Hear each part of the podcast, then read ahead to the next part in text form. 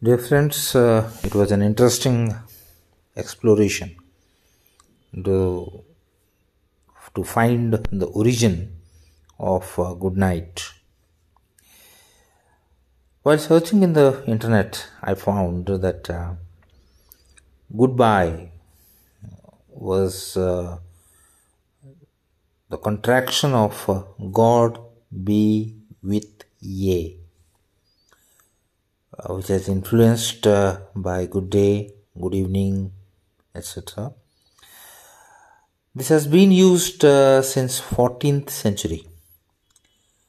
So around uh, 1570 and 1590, this was uh, coined, and followed by that goodbye, good day, and good evening, and this good night also came in that way in the 14th century and as an exclamation of surprise from 1893.